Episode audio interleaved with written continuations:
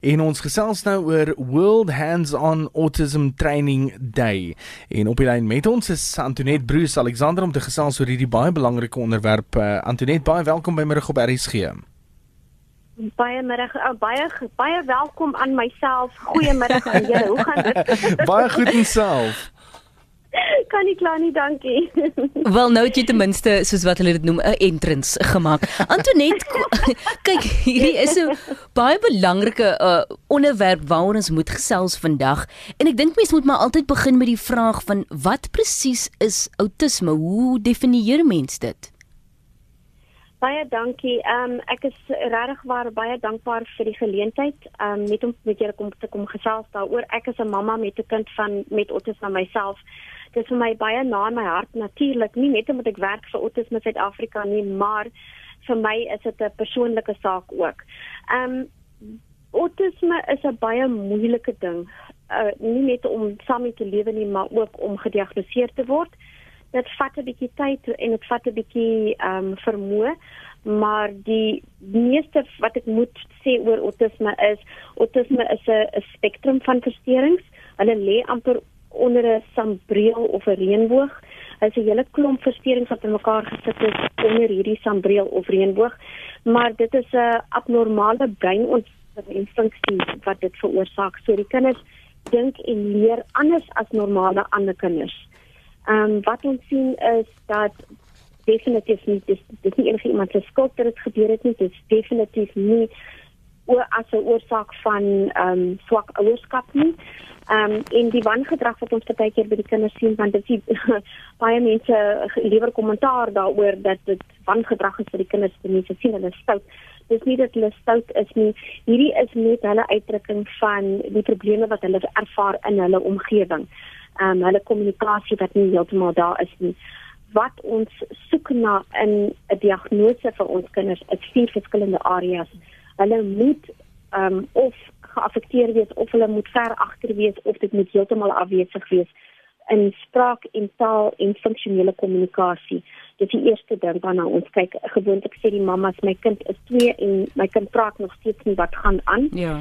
Die tweede ding waarna ons kyk is sosiale interaksie met ander mense. Partykeer in gewoonlik is die kinders heeltemal alleen. Hulle wil alleen wees. Hulle wil alleen gelos word. Hulle wil hulle eie ding op hulle eie tyd doen baie baie baie selde dat hulle met mense kontak maak aan veral as dit nie hulle eie familie of hulle eie mamma of pappa is. Die derde ding is hulle gedrag of verbeelding hmm. of die manier hoe hulle speel is heeltemal anders as ander kinders. Hulle is heeltemal alleen, hulle speel met hulle eie dingetjie op hulle eie manier en draai karretjie om en spin die wieltjies in steede daarvan om die karretjie om te draai en reg met hom te kan speel of hulle haal 'n Barbie heeltemal uitmekaar uit om te sien hoe die armpies en beentjies insteek nie om met die poppie te speel soos 'n gewone sou doen nie. Ja. En die, die vierde ding is hulle sensoriese probleme waar hulle of hoog of lae sensitiwiteit vir enige een van hulle sewe sensitivity sensory areas het. Um die veralgemening van waar ons probeer probleme sien met met kinders met autisme is dat hulle minder het van ander hulle kan in 'n hele kamer vol mense wees en regtig nie bewus wees dat daar enige mense om hulle is nie. Um hulle mm. hulle spraak en taal is baie keer heeltemal afwesig of baie baie stadig by baie ver agter. Veranderings in hulle rotine gooi hulle heeltemal uit. Hulle ont is heeltemal ontstel daaroor. Um hulle doen dinge herhaaldelik met hulle of hulle handjies of hulle trippel op hulle toontjies of draai nie rondte baie snaakse maniertjies wat hulle het min hmm. oogkontak met ander, verkies om by hulle self te wees en met hulle self te speel. Onbelangstellendheid in in, in aanraking by ander mense of drukkies of sentjies of liefies of net net om om daai bietjie liefde van hulle ma of hulle pa te kry. Um abnormale slaap en eetpatrone, dit sien ons baie in die kinders, hulle eet wat hulle wil. Um of hulle eet enige iets of hulle eet niks. en al hulle sintuie is aangeraak of soos ek gesê het of hoog of laag. Ja. So daar's 'n hele klomp dinge in autisme waarna ons kyk wanneer ons na die simptome van autisme kyk. Antoinette het net nou iets genoem ook van uh jy weet die kind sal byvoorbeeld 'n pop heeltemal uitmekaar uithaal en uh, ek kan jou amper verseker daar is eers nou iemand wat na ons luister wat sê hulle het 'n jy weet dalk 'n kind wat 'n uh, dinge wil ondersoek so hulle sal 'n karretjie of iets uitmekaar uithaal is dit rede tot kommer vir 'n ouer as uh, hulle kind goedjies begin uitmekaar uithaal om te kyk hoe hoe lyk die binnekant en hoe werk die binnekant is dit rede tot kommer partykeer is 'n kind bietjie skieurig. Mm. Ja. maar soos ek sê, enige tyd wanneer 'n ouer of iemand wat na die kind kyk sê, hier kan ek sien is 'n probleem, dan is dit tyd om 'n kind na 'n pediater toe te vat of iemand toe te vat wat 'n 'n screening kan doen vir daai kind. Ons moenie wag nie. Sodra ons wag het ons tyd gemis wat baie baie kosbare tyd is waar 'n mens iets kon gedoen het vir jou kind. Hmm. Maar hulle moet al vier daai areas hê voordat hulle kan 'n diagnose maak van autisme. Maar as as enige iemand 'n probleem het met 'n kind en hulle sê hierdie kind is nie heeltemal of hy hy, hy werk nie of luister of leer nie soos 'n ander kind nie, hmm. is dit tyd vir kommernis, dan moet ons gaan kyk wat daar ah. verkeerd is. Uh Ek moet gou hier vra Antonet want kyk ek lees nou verskriklik baie hier as ons kyk na die datum 7 tot 9 Mei.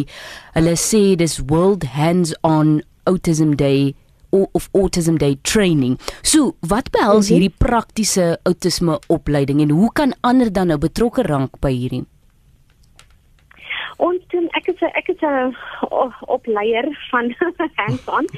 So, ehm um, ek werk vir Autisme Suid-Afrika. Dit is 'n program wat deur hulle uitgerol is. Ons kyk om opleiding te bied aan skole, ehm um, onderwyseresse, terapeute, selfs dokters wat meer wil leer daaroor.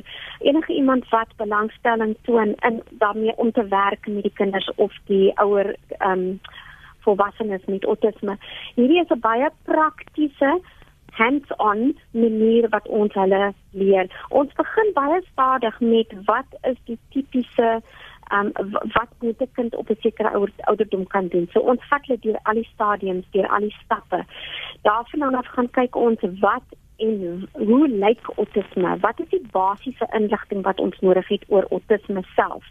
Dan gaan ons kyk na hoe kan 'n mens 'n kind um wat se observasie kan 'n mens doen om jou rapporte te skryf of om die um, die kind te, te assisteer met enigiets wat hulle nodig het. En dan die vierde gedeelte daarvan is hoe leer ons hulle want 'n kind met autisme leer visueel. So ons het nou goed nodig wat ons vir hulle kan leer hoe om 'n kind met autisme te leer om visueel vir hulle te kan leer. So dit is meer visual over verbal wat ons gebruik daarmee. Ons gebruik self die kinders in 'n skool. So dit is wat dit prakties maak. Ons gaan na 'n autisme skool toe of 'n of 'n skool waar daar kinders is met leerprobleme. Ons gebruik die kinders in die skool om ons mense te leer hoe om 'n ding te doen. En hulle maak praktiese take wat hulle terug kan vat na hulle eie skole of hulle eie praktyke toe om met die kinders te gaan werk. Ons leer hulle presies hoe om dit te gebruik in hulle praktyke ook. So dis 'n baie sukses hands-on. Dan is daar 'n follow-up nommer 2 wat ons doen wat hulle wat ons nou die die inligting wat ons gegee het vir hulle in nommer 1 vat ons dan 'n stap verder. Ons kyk na hulle gedrag, ons kyk na verdere opleiding, ons kyk na klaskamer, hoe die klaskamers moet opgestel word. En weer eens gebruik ons die kinders in die skool. Ja. En weer eens aan die einde van hierdie ding gebruik maak ons praktiese take wat hulle self kan gebruik om huis toe te vat. Ons gee vir hulle die persoonlike punte, die CPD punte wat hulle nodig het. So as daar 'n uh, um sosiale werker of 'n terapeut of iemand is wat punte bymekaar maak, selfs die onderwyseresse vir hulle sy sertifikaat nou, moet punte bymekaar maak. So ons offer hulle die punte ook om vir hulle iets so 'n bietjie van 'n insentif om nog mense te kry om te kom om die kursusse te kom doen. Antonet as iemand vermoed dat 'n vriend of 'n familielid autisties is, wat staan hulle te doen? Vir wie kontak hulle in uh, die verskillende provinsies? Die beste ding um, is natuurlik om jou provinsiale hospitale te kontak, maar in die meeste gevalle weet mense glad nie waar jy om te gaan nie. So dan sal ek voorstel bel vir Autisme Suid-Afrika want ons het iemand in elke provinsie wat hulle kan help. En die mense wat soos myself wat in die Oos-Kaap werk nou, ek weet wie die mense in my provinsie is wat hulle verder kan um, die referens wat volgende kom. Maar die meeste van die tyd moet ons in ons spanne moet ons ehm um, spraakterapeut, uh, arbeidsterapeut, uh, sielkundige, uh pediater, jou eie dokter, maar ons betrek ook die mense van die skole, die preskole, die klinieke waar ewer die kind met die ma waar die ma die kind kan vat, daar werk ons en ons gebruik dit as 'n span, maar die finale diagnose moet gemaak word deur of 'n uh, educational psychologist of 'n neuroloog of 'n pediater maar as hulle ons kontak by Autisme Suid-Afrika of hulle gaan kyk op ons webblad, mm -hmm. dan sal hulle al ons details daar kry. Die kantoor se nommer is 011 484 9909 en dit is in Johannesburg en my kontaknommer is 072 678 2452. Een van ons in ons span sal hulle op die regte pad sit.